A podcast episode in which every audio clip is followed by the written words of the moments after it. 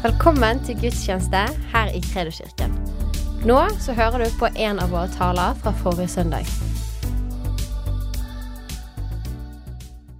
I dag så skal vi fortsette å dele Guds ord ut ifra Efeserbrevet. Jeg hadde et par uh, søndager hvor vi delte litt derifra. Og uh, har lyst til å på en måte bare fortsette med den tematikken. Hva Paulus sier om, om hva Gud har gjort for oss i Kristus Jesus.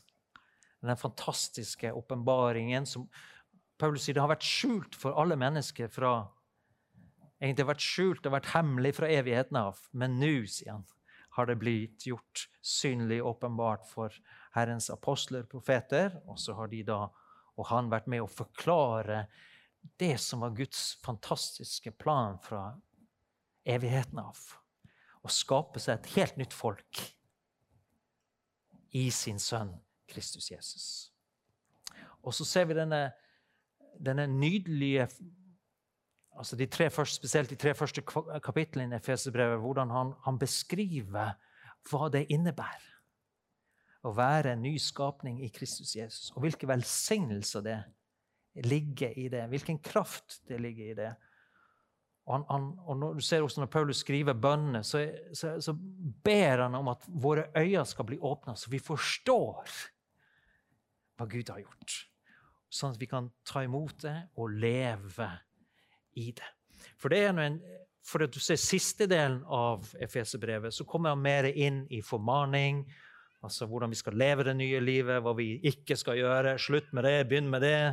Han går veldig inn i, i samliv, i ekteskap, i familien. Og kan også i siste kapittel snakke om den åndelige striden som vi står i.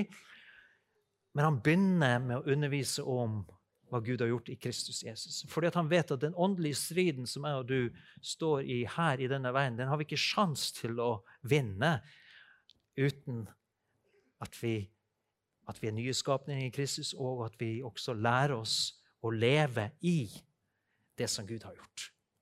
Ikke bare ha en intellektuell kunnskap om det eller lest det en gang, men at det virkelig synker inn i oss, at det blir vår identitet. Det blir den virkeligheten som vi lever ut ifra. Og Vi ser i Bibelen veldig tydelig at det fins to virkeligheter. Det er det mennesket som er i Kristus Jesus, som er født på nyd, som har Guds ånd, som er en del av Guds rike og Guds familie. Og så har du de som ikke er det. Det er ikke noe mellomting. Men det er mange mennesker som er i prosesser. Og vi gleder oss over alle prosesser hvor mennesker beveger seg mot Kristus. Og så sørger vi oss over, over de prosessene hvor mennesker beveger seg bort fra Kristus. Men der er en eller annen skillelinje. Innenfor, utenfor. Der, der er det ikke nøytralt. Eh, og bare Gud vet hvor det skillelinje går, men han sier det er gjennom troen på Jesus Kristus. At han døde på korset, at han sto opp igjen fra de døde, og at vi tar imot det personlig. Det er en personlig bekjennelse. Der går skillelinje. Men så er ikke vi satt, er du satt til å dømme mennesker eller fordømme eller si den er sånn, den er innenfor, den er utenfor. Det er opp til Gud. Men, men det er en innenfor, det er en utenfor, helt klart. Ikke sant? Og vår oppgave er å invitere folk inn i den fantastiske nye skapningen i Kristus Jesus.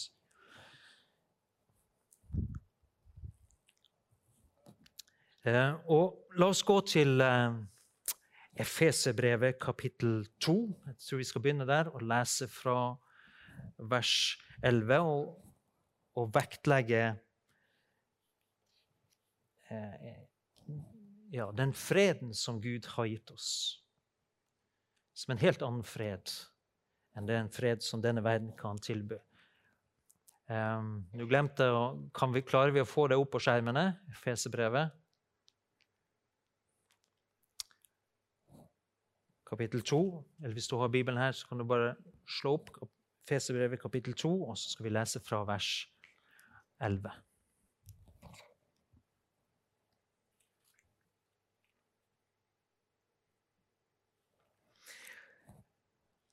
Der har vi det. Kan vi lese den samme oversettelsen her?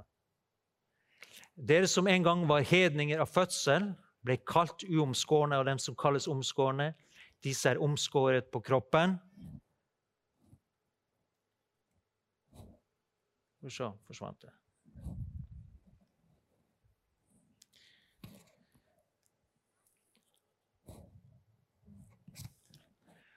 Ja, står det Husk at dere den gang var uten Kristus, utestengt fra borgerretten i Israel, uten del i pakten og løftene, ja, uten håp og uten Gud i verden. Dette var meg og deg. Vi var utestengt fra Israel. Vi var hedninger. Jeg og du, våre forfedre, det var de verste hedningene. Det var vikingene. ikke sant? Det var Odin og Thor og blot, og de satte babyene ut i skogen for å dø. og de drepte for fotet. Det var våre forfedre. Vi var vi er, det, var våre, det var våre røtter. Men Gud grep inn i vår historie blant vårt folk.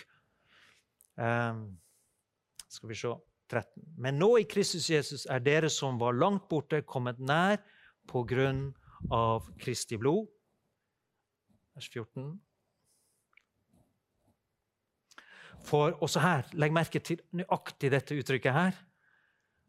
For han er vår fred. Jeg vil at du skal gå med denne setningen med deg herifra i dag. Han, Kristus, er din fred.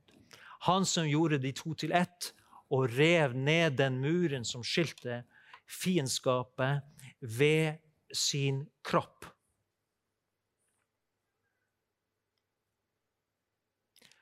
Han har opphevet loven med dens bud og forskrifter. Slik stiftet han fred da han av de to skapte et nytt menneske i seg.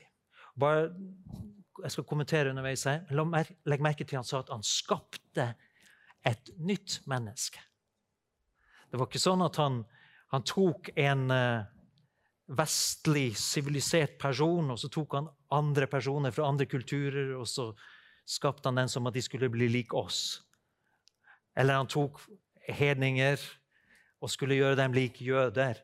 Nei, han skapte alle mennesker, alle, fra alle etnisiteter, fra alle religiøse bakgrunner. Så sa han det Jeg skaper noe nytt. Et nytt folk i Kristus Jesus. Og Dette folket skal få sitt eget språk. Dette folket skal bo i sitt eget rike. Dette folket skal lære seg å leve etter dette rikets verdier og lover. Ja. I én kropp forsonte han dem begge med Gud da han døde på korset og slik drepte fiendskapet. Han kom og forkynte det gode budskapet om fred. Det gode budskapet, eller, eller det gledens budskap om fred. Både for det som var langt borte Det var oss. Jeg og du var kjempelangt borte. Jødene var nær. Vi var langt borte. Gjennom ham har både vi og dere adgang til Far i én ånd. Jeg syns det er så vakkert beskrevet. Vi har adgang. Det er ikke noe dør vi skal gjennom. For den døren har, Hvis du tror på Jesus, så har du gått gjennom døra. Og den døra heter Jesus Kristus. Så du er rett inne i stua til fars. Gud, vår far. Jeg og du har tilgang til himmelens og jordens skaper jeg og du har privilegiet å snakke direkte. Er himmelens og jordens skaper. Han som er alles far.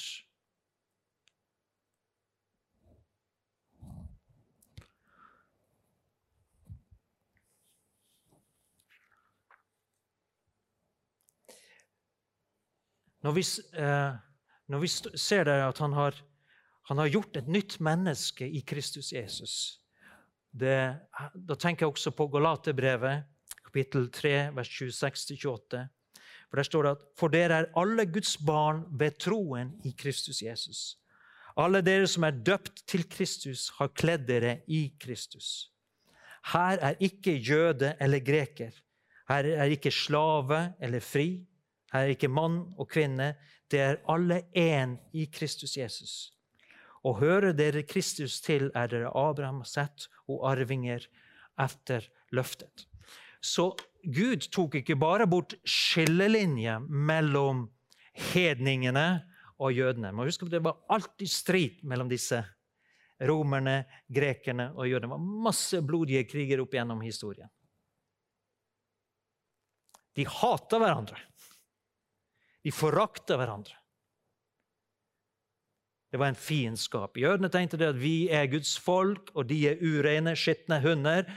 Og eh, Grekerne og romerne de hata jødene. Så de er så merkelige, de vil ikke gjøre sånn som vi sier. Selv om vi har militære og politiske makten, så nekter de å bøye seg, disse folkene. De er så sta! Prøvde de å kue dem. Det var et folk som ikke lot seg kue. Og det var bitter fiendskap mellom disse folkegruppene. Og de her jødene de sier at de har den eneste guden. Men vi har mange guder! Og så hater de jødene, for de påsto det, at de hadde den eneste guden. Eneste sanne Gud.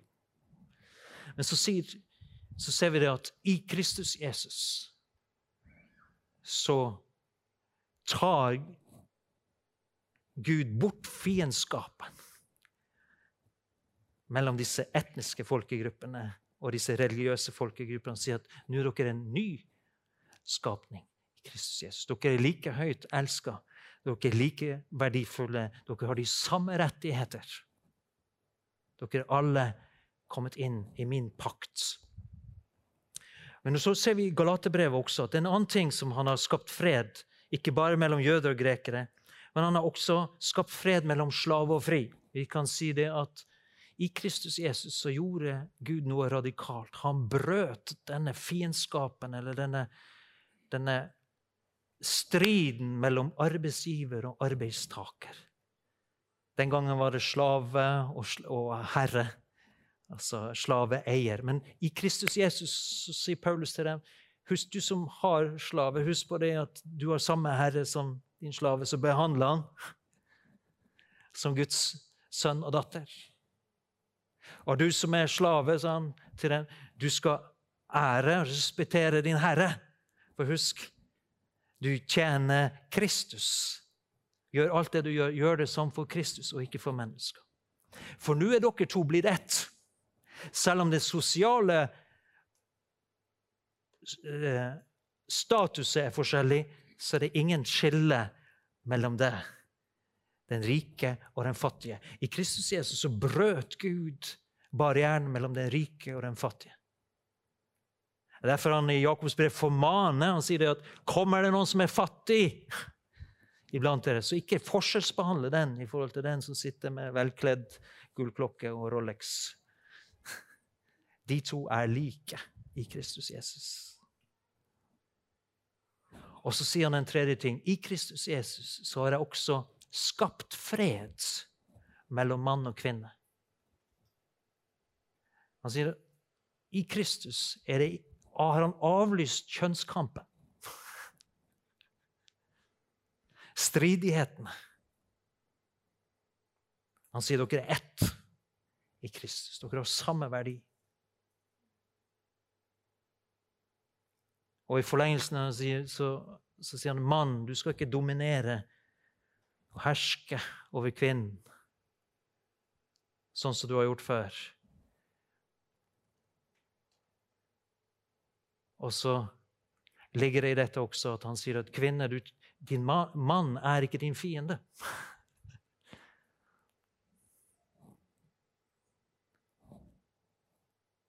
Og så lærer vi gjennom undervisningen som kommer seinere, at vi er, vi er ett i Kristus, men vi er skapt forskjellige ut ifra den kjønn som Gud har gitt oss. Derfor så når mannen elsker og respekterer kvinnen, så blir hun den beste kvinnen hun kan være. Når kvinnen respekterer og ærer mannen, så blir han den beste mannen han kan være. Og hvis, hvis kvinnene prøver å få mannen til å bli lik dem sjøl, så blir han ikke attraktiv for dem.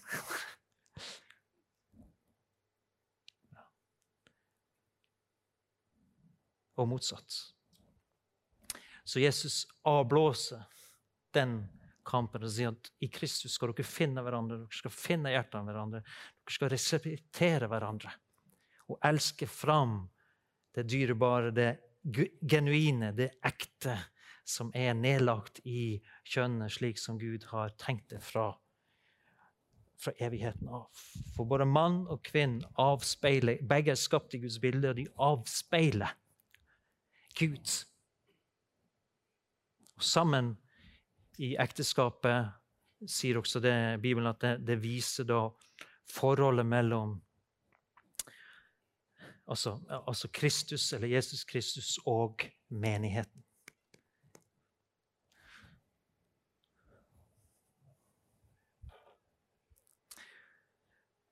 Og det er sånn at Noen ganger visst at de formaningene som Paulus kommer med, vel, av og til kan de virke ganske tøffe og skarpe. Men er, vi kan ta dem til oss fordi vi forstår at det er av det gode. Men vi skjønner at dette kan vi leve i, ikke i egen kraft, men fordi vi er nye skapninger i Kristus. Det betyr at det fins nåde og hjelp fra Gud til å overvinne de svakhetene, de feilene manglene og synden som så lett henger seg på i livet vårt.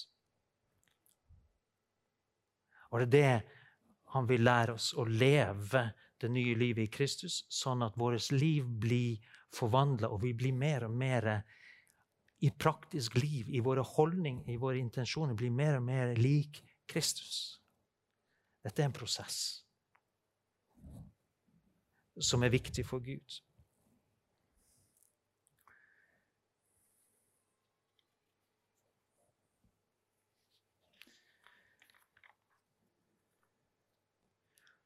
I dette ordet som brukes i den greske teksten også, Vi har et fantastisk uttrykk i den hebraiske eh, teksten, altså shalom. Dette kjenner vi fra, eh, kjenner de fleste av oss til. Og Det er et veldig sånn, rikt veldig ord som innbefatter enormt mye. Mens det, det greske ordet eirene er, er litt mer begrensa i sin klassiske bruk. Egentlig så brukte grekerne mest om det av fravær for krig. Altså at det var politisk, militær fredstilstand. Men i Bibelen og i Det nye testamentet så får det ordet fred Det får det innholdet som det hebraiske ordet shalom har i seg. Og det er så rikt. Jeg tenkte bare å, å nevne noen av de tingene som fins. Husk på tilbake med hva vi sa. Jesus er vår fred.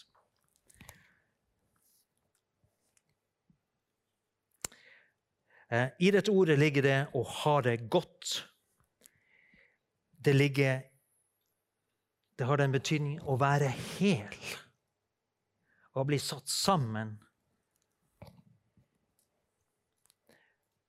Uh, uskadd. Å være sønn. Og i relasjon til Gud så er det snakk om en harmonisk tilstand av samfunn, fellesskap med Gud, hvor disse løftene som Gud har gitt, virker i livene våre og berger oss fra nød, fra problemer, fra vanskeligheter, og gir oss den rettferdigheten og den velsignelsen som fins i denne freden. Og dette gjelder både enkeltmennesker og oss som folk.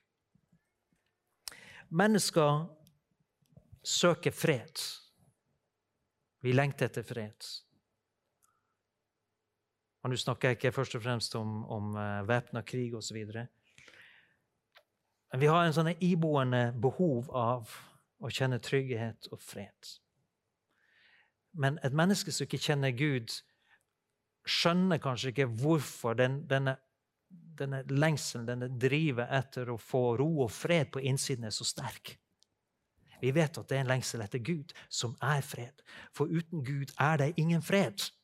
Ekte fred. Og, og, Derfor så strever vi sånn etter hvis vi tar Norge, vi strever sånn etter å få økonomisk trygghet. At alle At vi har sikra oss sant, for framtiden. Jeg hører jo om folk de jobber og sliter. Og så spør du hvorfor, hvorfor jobber du så hardt. Det går jo utover helsa di. Jo, men jeg tenker på pensjonen min. De samler poeng til pensjon. For om mulig å sikre seg så godt det går. For de kjenner seg utrygge på hva framtiden vil, vil bringe. Andre søker inn i transcendental meditasjon for å finne roen. For de kjenner på en sånn uro, en stress, det er kav, det er press, det er krav til hvordan en skal være, hvordan en skal se ut, hvordan en skal leve, hvordan en skal prestere. Og for å finne roen så lærer man seg sånne teknikker. Man går på kurs, pusteteknikker, hvordan vi skal fokusere tanken. Og noen ganger er det da religiøst med mantraer osv. Og, så vet vi at veldig ofte så er dette knytta til demoniske krefter. Som utnytter menneskets endelige behov for å falle til ro og finne fred på innsiden. Så dras de, og så lokkes de inn i en form for sjelefred. For de lærer seg teknikker hvor liksom sinnet og følelsene demper seg. For å, å hente, De snakker om å få hente energi. Ikke sant? Å, og de føler de, livet går så mye bedre da. Men så vet de ikke at den kilden til fred, den kommer aldri til å mette dem. Det er en felle. Det er et reelt behov, men måten å møte, finne den freden er en felle. Jeg hadde en venn av meg for mange år siden som fortalte hvordan han gikk inn i, i den typen meditasjon. Han fikk et manter og, og, skulle fokusere på å tenke og repetere osv. Og, og han sa i begynnelsen det var helt fantastisk. Han, han hadde litt sånn, tenderte til å ha litt sånn bekymring og angst. Var på en måte en litt sånn smånervøs person. Og Derfor så var behovet for å finne roen så stort. Og så, og så gikk han inn i dette her og sa det var helt fantastisk. I begynnelsen. Han, han, følte han begynte å få kontroll over følelsene og tankene sine. og liksom Ting falt på plass. og det var liksom Yes, nå går Linne på Nå har jeg kontroll på livet mitt. Men så sa han, så gikk det ei stund. Så var det et eller annet han merka. Og et eller annet som begynte å gjøre krav på han. Et eller annet som begynte liksom å nesten ta autoriteten i livet hans. Han kjente på en eller annen slags usynlig krav, tvang. Så gikk det en stund, så sånn, det ble faktisk ganske ubehagelig etter hvert. Eh, og så kom han til tro på Jesus. Og så var det så akkurat som øynene ble åpna, så han skjønte hva dette var. Men han sa i, det tok, det tok en stund. Han sa han måtte kjempe, virkelig kjempe for å komme løs. Og da, når han skulle rive seg løs, så møtte han nærmest face to face de åndskreftene som sto bak. Da ble de synlige. Da begynte de å virkelig gjøre krav på. Men det er et reelt behov. Vi lengter etter fred.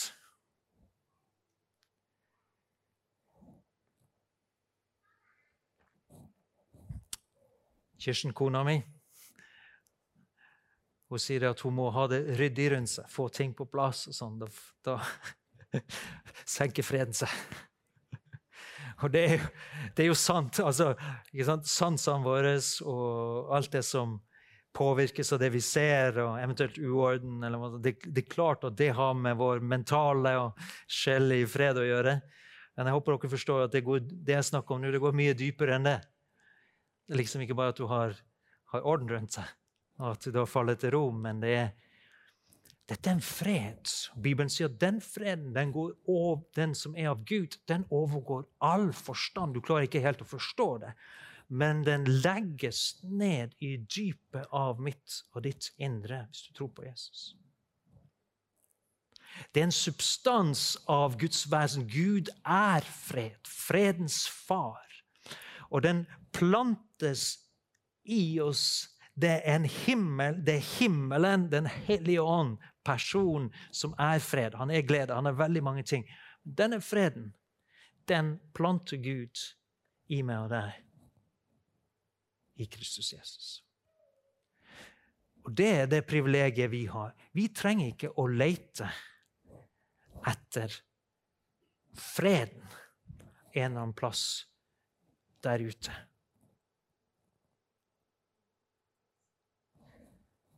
Den er planta i oss i Kristus Jesus. Men kampen som ofte står i mitt og ditt liv som troende, det er om den freden som Gud har planta i oss i Kristus Jesus, om vi Om vi på en måte lar den kraften og den freden få velle opp i oss og prege våre liv, eller om vi blir så stressa av alt det som skyter på oss utenfra, at vi blir urolige og rastløse og kastes hit og dit av hver lærdomsvind. Og så blir vi forvirra, og så blir vi dratt hit, og så blir vi dratt dit. Men greien er den at når jeg og du er forankra i den nye skapningen i Kristus Jesus Så når vi kommer i situasjoner hvor det virkelig bryter på, når, når, tankene flyr i tusen retninger, når mennesker sier alt mulig rart, og kanskje vi kommer i steder hvor følelsene våre løper løpsk Da skal du alltid vende tilbake igjen og holde fast ved det som Gud har deponert i oss. Og min erfaring, og det tror jeg mange kan vitne om, når du, er, når du kjenner på stresset og presset, da skal du søke inn i det stille. Da skal du gå, lukke din dør, eller kjøre din bil, eller gå i naturen og være med Gud. Og inn i Bibelen, inn i Ordet, inn i løftene. Og la det Og da snakker jeg om ikke liksom bare en femminutters hei og hå, men ta den tiden du trenger til at tankene og hjertet faller til ro. At den freden som fins i deg, overvinner uroen og ufreden. Engstelsen.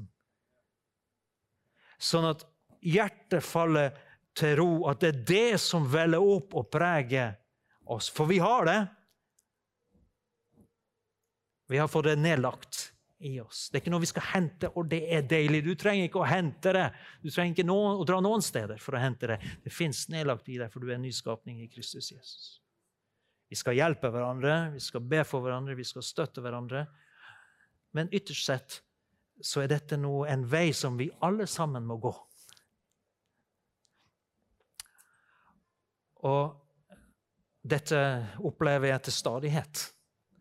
Og hvis det er litt sånn eh, unøyaktig og litt slurvete med å ta tid til å fylle meg med Guds ord og på en måte finne den roen hvor, hvor jeg bare kommuniserer med Han og stenger ute alle andre ting, så går det ikke så lang tid, så plutselig så begynner jeg å kjenne den der uroen. Det der suget, den der Og da vet jeg det er bare én løsning på dette her. Tilbake. tilbake til Gud. Tilbake til det stille, tilbake til Guds ord. Tilbake til tilbe Han. Sånn at Fordi at det er der vi klarer å ta fornuftige avgjørelser. Derfor vi sier ikke ta viktige avgjørelser når du er forvirra og stressa. Men vær i Søk Gud, bruk den tiden du trenger til at hjertet faller til ro. Og denne freden veller opp i deg. Og da kan du fremdeles være usikker, hodet kan svirre litt, og du vet ikke om det er sånn eller sånn. skal du gjøre sånn eller sånn. Men når freden senker seg og fyller ditt hjerte, så vet du at du har seier. Og da er det egentlig Da kan du bare vente og vite at Guds visdom kommer. Gud kommer til å vise meg. Gud kommer til å gi meg en dytt sånn at jeg havner rett. Så jeg gjør det rette. Gud har kontroll. Halleluja. Da lever vi i den freden vi har fått i Kristus Jesus. Og det er klart, Når man blir virkelig pressa, så er dette utfordrende. Derfor skal vi passe på eh, at vi spiser i dag for det vi trenger i morgen. Når du har det godt, når du er fredfull og harmonisk og alt føles bra, bruk tid med Herren. For du trenger den næringen du får i de fasene for morgendagen. Snakka med Viljo Ops, jeg vet ikke om han er her, men han skal løpe rett vest. Der er du, vil. Rett vest neste lørdag. Og hvor viktig det da om å underveis Du må spise og drikke hele veien underveis. Og du må drikke og spise før du blir tørst eller sulten. For hvis du blir tørst eller sulten i et sånt langt, krevende løp, så er det allerede for seint. Da har du ikke den energien som trengs for å yte maks. Og uten å dra parallell for langt, så er det litt det samme i den åndelige verden. Vær Når ting går godt, pass på at du fyller deg med de gode tingene. Det som er godt, det rett, det som er sant, det som er edelt, det som er æreverdt. For Guds fred skal bevare ditt hva da? hjerte, står det i Filippebrevet, og dine tanker i hva da? I Kristus Jesus. Ikke bevare ditt hjerte og dine tanker i en eller annen slags sånn glorifisert sjølbilde. Nei, i Kristus Jesus. Det er der det holder. Det er der det står fast. Det er der det er ingen som kan vippe deg av. I Kristus Jesus. Det er fantastisk at Gud har gjort det sånn.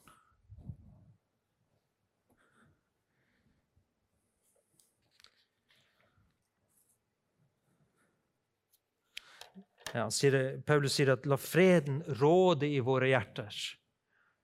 Altså, la freden råde i hjertene. Altså, Sett deg sjøl i en stilling hvor den freden som du har fått i Kristus, tar overhånd.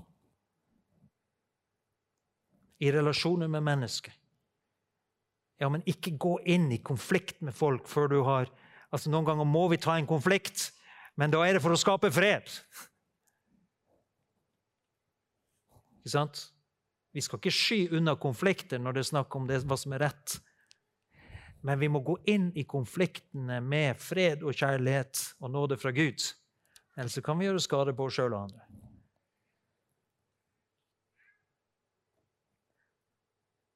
Ja, og vi skal bevare vårt hjerte og våre tanker i Kristus Jesus. Jesus sa det veldig tydelig.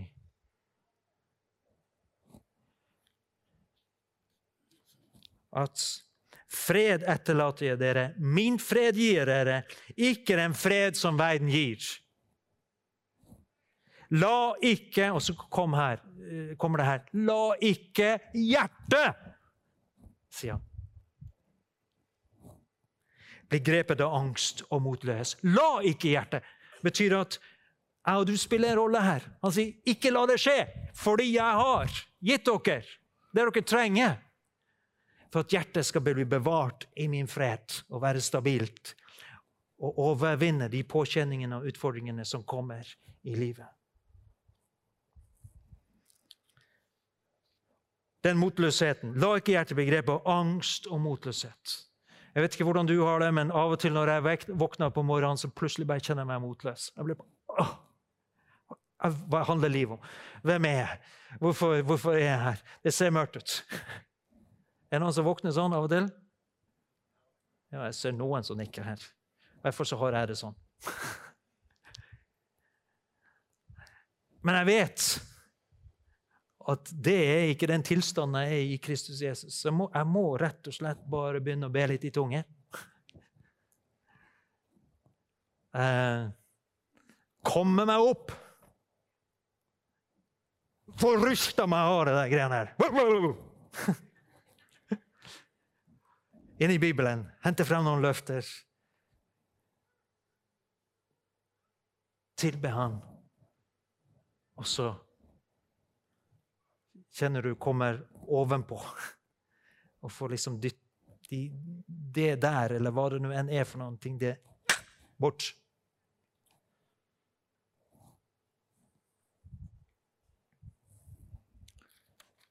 Skal vi avslutte med dette ordet som Jesus ga oss? Dette har jeg sagt dere for at dere skulle ha fred i meg. I verden har dere trengsler.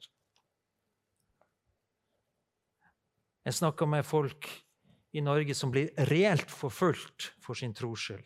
Fordi at de går med et kors, så blir de utstøtt, så blir de mobba på skolen.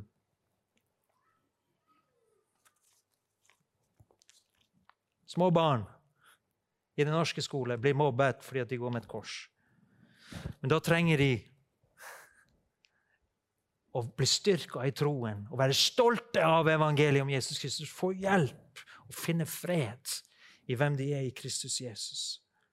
For Jesus sa det, og far til dette barnet han sa det, han hadde lært dem opp at når vi skal følge Jesus, så kommer vi til å møte motstand. Vi kommer til å møte forfølgelse. Vi må forvente det, også i Norge. Så han hadde bygd opp ungene sine til å, å tåle det.